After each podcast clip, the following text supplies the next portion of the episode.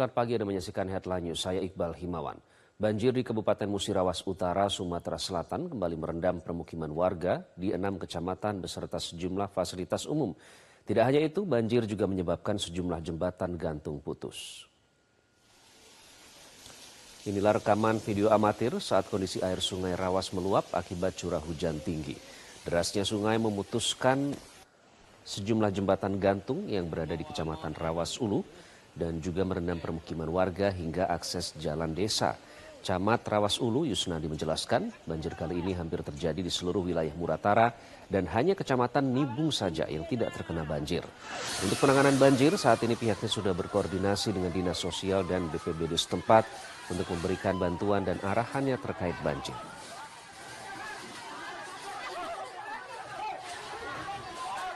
Inilah keadaan Jadi untuk penanganannya kita sudah koordinasi ke dinas sosial, ke BPBD, mereka lagi mengadakan rapat untuk memberikan uh, uh, bantuan-bantuan dan arahan. Tapi kami dari pihak pemerintah kecamatan kerjasama dengan pemerintah desa, BPD, Babinsa, pihak kepolisian, terus turun ke lapangan, mengimbau kepada masyarakat untuk melaksanakan uh, bantuan-bantuan secara mandiri dulu. Jelajahi cara baru mendapatkan informasi. Download Metro TV Extend sekarang.